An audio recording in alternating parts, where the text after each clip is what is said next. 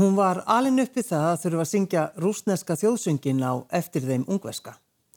Örlögin lættu staðinni og hún fór að kenna tónlist á Ísafyrði. Og nú er hún stjórnandi fjölda kóra og kennir tónlist í Reykjavík. Gestur minn í okkar á milli er Akota Jó.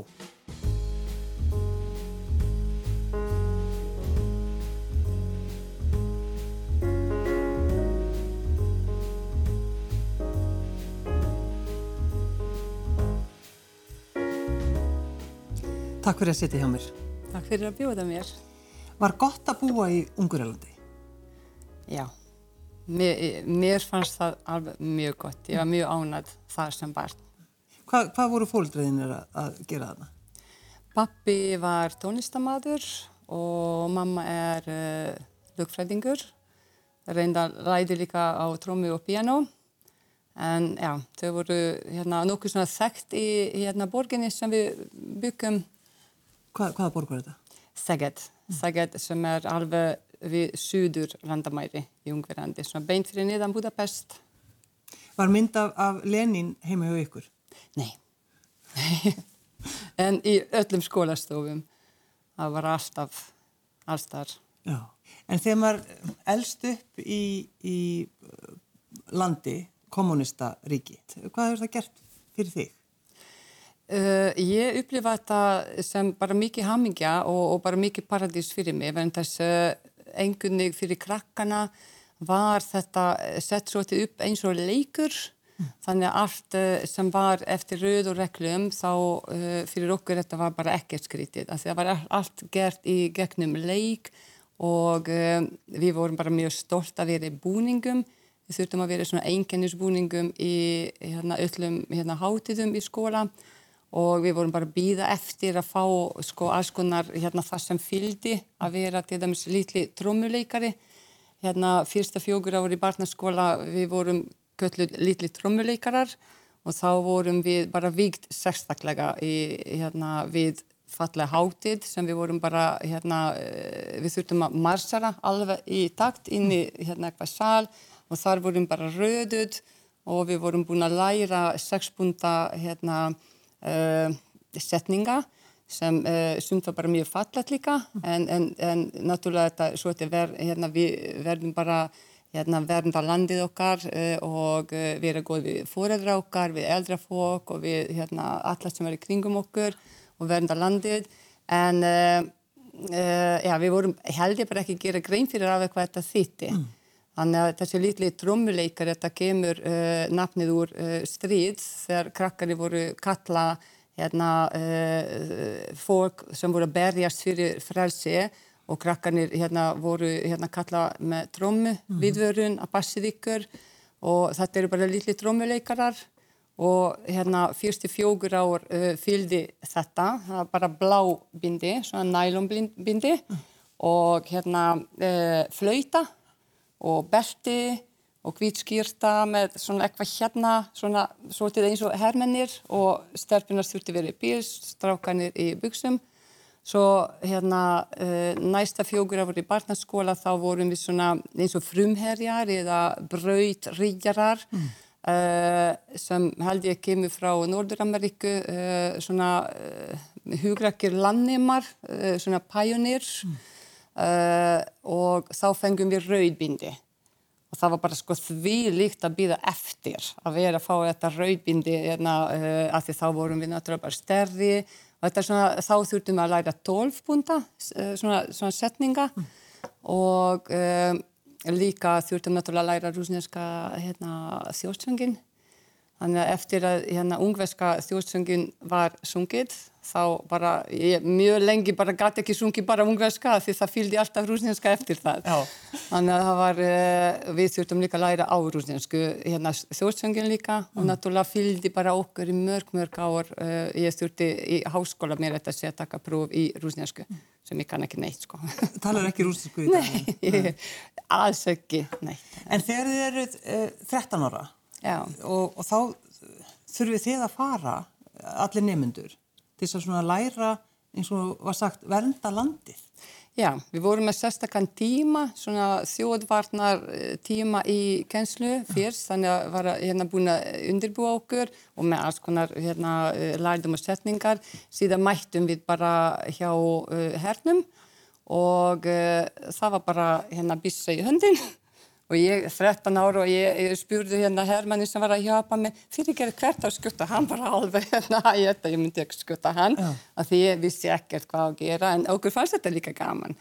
Þannig að við vorum bara hérna skrýða, klífra, hlaupa en þetta var svona leikur fyrir okkur. Þannig að þið erðu þarna að bara leik, að leika hermenn? Í rauninni við þurftum bara læra það sem herminni voru að gera. Þetta var nú ekki alveg, sko, þetta var nokkrir tímar, mm. ekki alveg hluti af 7. bekk og 8. bekk en þetta var í síðast tvö ári barnaskóla mm. og uh, þetta var svona eðlilegt. Pappi ekki, hérna, og kærasti minni herin líka, það voru allir, þetta var skilda fyrir stráka að hérna ganga í herin uh, held í eitt og haft áar. Mm og þetta sleit náttúrulega uh, fjórskyldur uh, að því pappi ekki herinn þegar ég var lítið uh, hann fór í æfingar þá og líka bara sambund hérna kæristi minn þegar við vorum ung þá þurfti hann fara í þetta og þetta var útrúlega skrítið og sumir voru bara sett í mjög erfið æfingar Pappiðin var náttúrulega þurft að fara í stríðið, eða semst í, í her, Ekki. Ekki stríð, bara Nei. í herin, já. Ef það hefði verið stríð þá hefði hann náttúrulega þurft að fara. Já, já. Af því hann var þjávætu, bara eins og allir aðrir. Þannig að hann fer og, og spilar í hljómsveit þá í kynslu við herin. Já, hann, hann bara, það voru aðskonar hérna lútverk þarna og það var náttúrulega herrljómsveit og hann bara gekki það. Mm. En færður stundum þessa spurningu sko um það að, að Veist, en færðu stundum þessa spurningu? Já, já, ég held uh, sko sum hérna fólk bara finnst það öruglega í flýðilandið mm. að þið, það var svo erfið fyrir mig en það var bara alls ekki. Og uh, það var gott sem fylgdi þessu líka að þið, uh, það var fritt fyrir okkur, ég var til dæmis að var sund í 14 ára, við þurftum bara að borga mjög lítið fyrir það Ég var í dansi, ég var í tónlist, uh, ég var í skautum, ég var bara í, í alls konar mm -hmm. sem uh, þurfti ekki borga þannig að fyrir okkur þetta var bara gott líf og, og líka fyrir börn eins og ég var að segja að, að þetta var sett allt svona í gegnum leik. Já. Þannig að við, við lærdum hérna setninga, vorum endurtaka, við bara skildum ekki eða hvað helmingin af þessu, en við trúðum þessu öllu mm. og svo vorum við bara alltaf læra þetta líka og marsera og hérna hvernig hendurna ég að vera þannig að eh, kennarar voru líka öruglega svo að þið sett inn í þetta hlutverk til að þetta veri eðilegt fyrir okkur, en, en eh, þetta er svona eftir á meira skríti heldur en ég var mjög hamingusamt barn þarna mm. og, og mamma gerði allt fyrir okkur og já, ég upplýfði þetta ekki sem Nei. eitthvað slæmt. En ágötta, hvenar færðu svo að dansa? Hvenar kom dansin inn í lífði? Ég byrjaði að dansa bara í sundlegin því ég var fyrst sko í sundi, ég var hérna fjókur ára þegar ég var sett í sund og ég hérna var öruglega barn sem syndi langfallegust, ég var alltaf tekin upp á sína en ég syndi mjög hægt. Þannig að hérna, ég syndi frá fjókur ára til eh, fjórtan ára. Og í þessi tíu ári náði allt saman bara fjókur verðlaun og það var stund bótsund sko þannig að ég syndi mjög hægt en alltaf vanda mig mjög fallega. Ég var bara eiginlega að byrja að dansa í sundlauginni. Og uh, ég hætti í sundi 14 ára þegar ég fann að ég er ekki keppnismanniska þó það er mikið keppnismanniska í mér en ekki í sundi. Mm. Ég, ég beigð alltaf hérna þegar sundæfingar voru og það var kallt og kann, þetta var út í sundlög og það var mikið gufa og ég var líka svo mjög og lítið, ég bara syndi helmingi með að hinn voru klára og svo beigði ég þar hekk og bara fór yfir og kláraði en ég 14 ára fór, uh, þá var, var ég búin ákvað að fara hérna að dansa. Mm. Ég langaði að dansa, ég var alltaf að dansa heima og ég byrjaði fyrst í jazzballett og 16 ára fór ég í samkvæmistans og það var það sem mér fannst ég vildi gera. En þú hefðir alveg, alveg getið látið þetta verða þitt bara starf að verða atvinnudansari? Algjörlega, já, já. Bara sama tíma og ég í rauninni hérna örlugin fór þannig að ég flutti til Íslands þá var ég með hérna búið bæði á Ítalíu og líka í vestur Þískaland, það skiptir máli jú, jú, og fara að þanga og, og bara gera statvinni dansari mm. og það er það sem ég vildi æfa og það, ég eitti bara fimm klukkutíma á hverjum degi með glöðugriði en ekki fyrir tónlist. Ég vonaði bara nefndu minni, hei þetta ekki, já þetta er ekki okkar á milli bara. En, já, akkurat, okkar á milli. Uh, sko, þú segir að örlögin hafi einhvern veginn svona laðist aftan að þér. Af hverju ertu á Íslandi? Sko, það, hérna, íslensku strákur sem fer Gunsteinn Ólafsson fer til Budapest að læra tónlist mm. og þar er sýstir minn að læra tónlist líka og þau hittast, kynast og Gunsteinn býður sýstir minn starf á Íslandi uh, 1986 sem hún þykir. Og hún átti að lenda í hérna Reykjavík en hún lendir á Ísafjörði og þar byrjar hún stjórnakor sem heitir Sunnukor og uh, ég kom til hennar í heimsók reyndal uh, ár setna eftir að hún flutti hingað 87 uh, og ég hitti skólastjóra Sigriður Ragnarsdóttir var skólastjóri þá og hún spurði hvort ég myndi flytja eftir eitt ár kannski þegar ég klára skólan og ég bara nei. En uh, Góring kemur svo ársætna 88 í heimsók uh, með systeminn til hérna Segat sem ég var uppalinn og bjóð þá og hún bað mig og strákið sem ég var að dansa með að hérna sína smá dans að þau, þau hafi ekki oft séð svona samkvæmistans og uh, það gerðum við. Og við syndum öddöns bara hérna fím standardans, fím latín og bara gerðum líka eitt svona mix. Og þau voru bara mjög, mjög reyfin. Það var bara stanslust takka myndir af okkur og, og af ótrúlega hérna, gaman og þau búði okkur í loka eh, kvöldmat, svona hátíðar eh, kvöldmat. Og þar voru hérna þessi setningar og, og spurningar hérna, já, vil þið ekki bara koma og kenna dansa á Ísafjörði, það bara vandar svolítið einhvers sem bara býr þar. Mm. og já, og við ætlum að hugsa Svo fórum við í mánuð með hérna, þessi, hérna, þennan strák í, til Jugoslávíu, það var Jugoslávia þá, í svona danssýningar vorum að sína í flottustum hótalum, bara við sjó og við ákveðum að já, uh, við þurfum að fara út úr landinu til að hérna, vera betri dansarar. Mm. Af því við vorum orðin ungverðansmestarar og við þurftum bara kennarar sem hérna, við hefðum uh, farið til Danmörku og til Englands, læra þar meira og þá bara Ísland er fín svona milli hérna staður. Uh, þannig að þegar ég kem heim í júli, lók júli frá hérna Jugosláfíu, þá við segir mamma, það bara að ringja og spýr aftur hvort þú væri til að koma. Mm. Þá var ég ákveðin að hérna, við munum prófa þetta. En að því hún nefndi þetta, þú varst að sína, sko sunnukórun er svolítið svona áhrifavaldur í þínu lífi, má ég lega segja. Já að uh, það er margir að taka myndir af þér þar sem þú ert að dansa þarna, glæsileg. Svo er strákur á Ísafjörði sem er að skoða myndaalbum fóröldra sinna þar er rosalega flottar myndir af þér. Þannig að núna langum við svolítið að vita um ástina í lífiðinu. Já, þetta er í örlögin, svona bara gerist ekki. Mm -hmm. uh, já, hann uh, fyrst sér myndin, hérna myndinar af mér í album hjá fóröldrum sinum og er eins og hann segir, hann var svo til reyfin af mér og e, náttúrulega það líka sem er skemmtilegt áður en þunnugórin fór til Ungverðinlands og þessi myndar, myndir voru teknar þá kom pappi minn hingað til sýstir minnar með kór frá Ungverðandi og þá hittir maðurinn minn hérna pappa minn. Og þau bara, þeir bara lenda saman, pappi er náttúrulega tónlistamadur og, og madurinn minn núverandi spila þá eitthvað á piano og hérna þeir kynast þannig að hann svona þekkir svolítið og, og, og bara sér þessi myndir í album og þekkir fókið mitt. Mm. áður að hann kynntist mér. En við kynntust þar bara uh, þetta líti heimur Ísafjörður og við vorum bara í parti og þar, þar blósaði ástinn upp sem var ekki hægt að stoppa. Nei, það var ekki umflúið. Nei, Nei. og e, alveg þangat að ég kynntist honum þá var ég bara lengja dvöli minn hér í eitt ár alltaf mm. í senn að því ég var bara aðeins ekki ákveði, mér fannst mjög skutið líka að ég gerði þetta að fara svona að taka stór skrif að því ég er ekki manniska sem vil breyta eitthvað miklu mm. en... Um, Nei, og líka vera, þú veist, á Ísafjörði?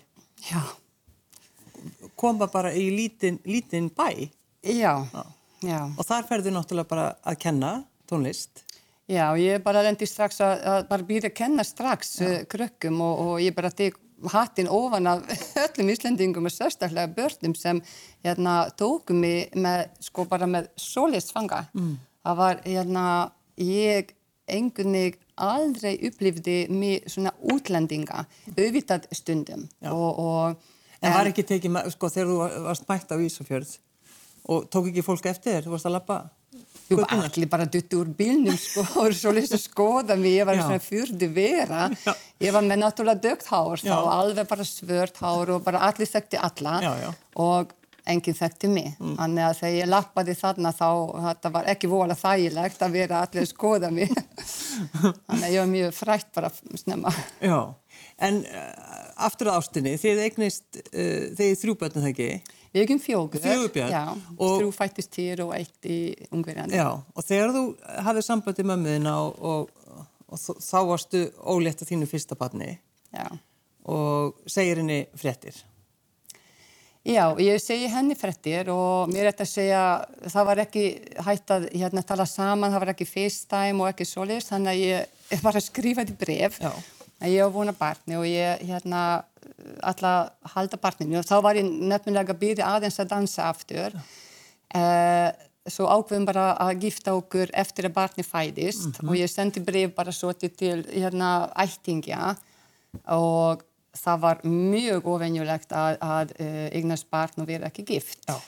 þannig að ég feg bara eitt bref til, tilbaka já, þú var nú ansi hugrökk að fara skýra barnið þegar þú vart að gifta þig mm. það var mjög skritið Þannig að það, það hefur ekki verið vaninn þetta, þú veist, reglur, bara fara eftir reglunum. Alveg eftir reglunum. Já. Það eru sko ótrúlega mikla reglur sem ég, ég er alveg uppvitt, mm. bara mjög mikil. Í skólanum líka, skólinn byrja átta, þá þú mætir ekki setna en kortur í átta mm -hmm. og krakkanir svona marsera í bekkin líka. Það er bara ennþá í dag, eða þegar ég fór með krakkana út þá var þetta ennþá. Já. Mjög, mjög stífa reglur og líka með hérna, skóla... Uh, í mínum tíma. Það var ekki sko milli, milli mentaskóla og framhaldsskóla að hugsa mér hvað ég ætla að gera. Ég ætti bara ákveða og fara bara áfram. Já.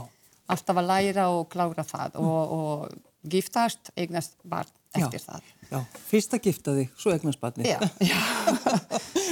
ég geti ekkert eins og mér var sagt. Já, þið búið fyrir vestan og, og, og Grindavík líka? Nei, í Njarvík. Sko, ég, ég bjó bara þrjú ára í Ísafjörði. Þá var ég, ég rauninni bara lók þrýdja árin, uh, þá var ég að kynast honum mm -hmm. og við vorum, þá uh, bjó hann í Reykjavík. Þannig við ákveðum að fara hérna bara búa þar og bara mjög fljótlega uh, flutum til Njarvíkur að því við fengum starf þar og byggum þar í nýju ár. Mm. En uh, já, eftir að ég náttúrulega kynntist honum þá var ég bara óljætt strax og, og ég ákvað bara að vera, að vera ekkert að velta mér eitthvað meira, mm. hvort ég fer tilbaka í það. En svo, svo vildur leifa börnunum þínum að kynast Ungverðlandi. Var það mikilvægt fyrir þig að þau fengju að, að bara læra mm, tungumáli alminnilega og allt það? Já, mjög mikilvægt og það var líka mjög skrítið í Njarðvík þegar hérna, ég var með þeim og, og ég er svo ótrúlega ánægt svona eftir á að hvað ég gerði þetta rétt að því ég vissi ekki að þetta var rétt en ég træði alltaf ungarsku mm. við þau uh, þau svöruðu bara aldrei sögðu ekki neitt en ég tók eftir að þegar þau voru orðið svona tvekja ára þau, þau skildu hvað ég var að segja en uh, þegar ersti var átt ára og yngri þau eru tvíbrar voru sex ára þá ákveðum bara að flytja í eitt ár, aftur bara eitt ár. Og við fengum námstyrk, námsleifi og fórum hérna bara til að þau læra að skrifa og lesa. Og það var bara þvílikur hérna vá um snúningur fyrir þau greið og því það var sko elsti sem var í þrýdjabæk átti fara hér, mm. ég setti hann í þrýdjabæk líka þar. En það var bara gjör óleik, þau voru bara hérna að lesa svona þykka bækur orðin í þrýdjabæk og, og bara skrifa alveg stanslöst, kennarinn skrifaði eitthvað upp og mátti ekki tala í tíma, mm. er bara alltaf rétta upp hönd og svo spretta upp. Þegar kennarinn kemur inn í byrjunin þá bara allir bekkurinn sprettir upp og hann bara, uh, strákun okkar skildi ekkert, ég held að var ég bara eldurinn hérna kviknaði í skóla það er bara allir hérna, því kennari mættur Já. að bara bera výrdingu og endalust þessi hérna výrding sem finnst mér alveg frábært en það þurfti nóða þessi tvö þjóð alveg bara saman, Mm. bara íslenska ungverska þjóðin, því það er svo margt gott í báðum mæ, mætti Já, aðeins svo já. mikið svona og Mætti blanda þessu svona aðeins saman? já, já alveg, já. já. En, en hugsaðu um, sko, ertu, hefur, það sem þú hefur lært þegar þú ert í skóla þann úti og þessi ægi, um, hefur að skila sér, notar þetta í þinni kennslu í tónlistaskólanum? Um, svona já og nei. Ég er búin að aðlagast mjög mikið þessi frelsi og, og uh, meira svona ein, einstaklingsbundin hérna vithorf. En uh, ég ger þetta samt og ég nota svolítið, ég veit að kórarnir, hérna, ég hef farið í kórakefni því ég var auðvitað, við förum í keppni, þá með, við erum með rosalega aga. Og, og ég er búin að segja þeim bara á leiðinni út til hérna spánar að uh, það drekkur engin áfangi fyrir en við erum að keppa. Og við lendum í náttúrulega hérna hótel sem var all inclusive, allt inn í falið og hérna hádeginu, já, viltu rauðvin eða kvítvin komið þjónarnir og nei takk, það voru svo vel upp alinn þannig að þær eru eh, til dæmis, ég veit að, að, að uh, þeim finnst þetta mjög hérna, skemmtilegt að, að, að þið og þetta er skemmtilegt fyrir mig að þið börn svara kannski ekki eins og fullordin Nei, nei. en þegar ég með hérna, fullordin fólk á móti mér og, og, og þau eru hissað að ég með svona rosalega agent, þeim finnst það gaman Mm. Og ég reynir líka að nota þetta hjá krökkunum í, í skóla Hvaða kóra ertu að stjórna? Hvað ertu að gera akkurat í dag? Já, ég stjórna Kvennakor Reykjavíkur, ég er búin að stjórna þeim í, bara síðan 2010. Ég stjórna kor eldriborgar sem heita Seniorítukórin. Þetta er svona aflegari af Kvennakor Reykjavíkur. Ég er búin að vera með þeim í 17 ár held ég. Og ég stjórna líka kor átthaga félags strandamanna. Þetta er erfiðasta nafnið og erfiðasta vinnuheiti. og þau voru æfa í skatt, skattfællingabúð en ekki lengur sem vitur fyrir að því ég er bara brýtt tunguna að segja þetta allt. Og ég kenni náttúrulega piano í tónlistaskóla hérna, sem við vorum að hérna, uh, stopna, ég og madurinn minn á samt yngu ástu Hafstein uh, og skólinn verður uh, 30 ára á næst ári og það heitir tónskólinn Doremi og ég er pianokennari þar. Þú eru hugsaður um þetta. eh, Lítur á því sem Íslending eða, eða hvað? Uh, mjög lengi, uh, þetta var rosalega erfitt fyrir mig að því mér fannst ég bara korrugt. Allt í einu, uh, alltaf þegar ég var á Íslandi þá fannst mér, ég er ekki íslensk, ég var í ungverjandi þá er ég búin að vera svo lengi í burtu, mér fannst ég ekki lengur ungversk, þannig að mér fannst ég svona halv og halv og um, ég eftir að krakkarnir fættust og, og ég vildi mjög mikið uh, hjálpa þeim líka hvernig á að því það finnst mér, uh, það getur verið erfitt að, að annað fóreldri er ekki frá samalandi og uh, þetta er skrítið og, og stundum þau voru strýtt í skólanum og bara þetta, er, þetta er ekki einfalt mál en ég búin að finna út að þau eru bara tvö föld sko, þau eru bara heil og heil og ég hugsa líka þannig að ég er rosalega ánað, Íslandingar lenda mjög oft með ungarjum í handbólta og fótbólta og alls konar og þá, þá er ég bara alltaf ánað og ég er alltaf stolt. Uh, alveg sama hvor, ég get ekki sagt að ég, sé, ég er búin að búa lengur á Íslandi en, en í Ungverjandi Uh, en ég bara elska bæði lönd sem betur fer, ég er komið þangað En hvernig, sko, hvernig finnst þér Íslendingar vera? Hvernig þjóð erum við? Uh, frábær þjóð það er sko, já, sko því líkur hérna metnað og, og því líkur orka uh, í ykkur sem mætti sko bara bera út út um allan heim. Og ég held að það þarf ekki eins og bera út af því það, það berst út. Alltaf hérna tala um þessu lítla þjóð. Ungverjar tala mjög fallega um Íslandinga og uh, þið takki rosa vel á móti eins og mér. Þannig að ég er hérna búin að fá mikið, mikið hlýju og, og bæði frá börnum. Þetta er, hérna, þetta er ótrúlegt sko bara strax frá upphafi það sem hérna, ég er búin að upplifa. Og uh, þessi dugnad uh, sem, er, sem býr ykkur, þetta er, þetta er ótrúlegt. Mm.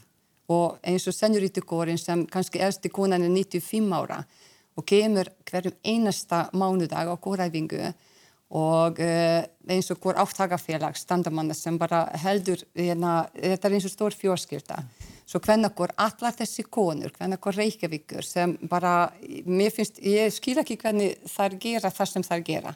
En það er, hérna, þegar ég fór með til dæmis inn til Ungverðand, þá hittum einna besta kostjóra í Ungverðandi og við heldum tónleika saman og hann átti ekki orð yfir þessi íslenskum, bara venjulegum konum sem, hérna, bara leggja allt á sig og gera allt með solismetnað þannig að bara þið getið allt. Þið eru frábært. Mm. Þannig að þú ert fegin að búa í Íslandi eða hvað? Já, ég er mjög fegin. Ég, en, ég, ég verða viður kannan að það tók uh, tíma fyrir mig. Ég þurfti, í rauninni ég þurfti læra, ég var mjög veikburt svona sem bart ég var alltaf mjög mjög það var alltaf þegar fórum út að lappa þá kennarinn sæði já, haldið ágóttur sitt kor megin að því ég var svona mjög og veikburt en ég styrtist af ótrúlega mikið á Íslandu og það þurfti mm. þess að, að því uh, það var ekki alltaf einfalt og það er ekki bara vedrið, það er bara auðvitað allt. Mm. en, en eftir líka ég náttúrulega tala betur og kann tungumálið og skil betur uh, þá, þá er þetta bara gjörbreytir öllu þannig að ég er mjög fín. Ákvota Jó, takk fyrir að sitja hjá mér. Takk æra fyrir að fá mig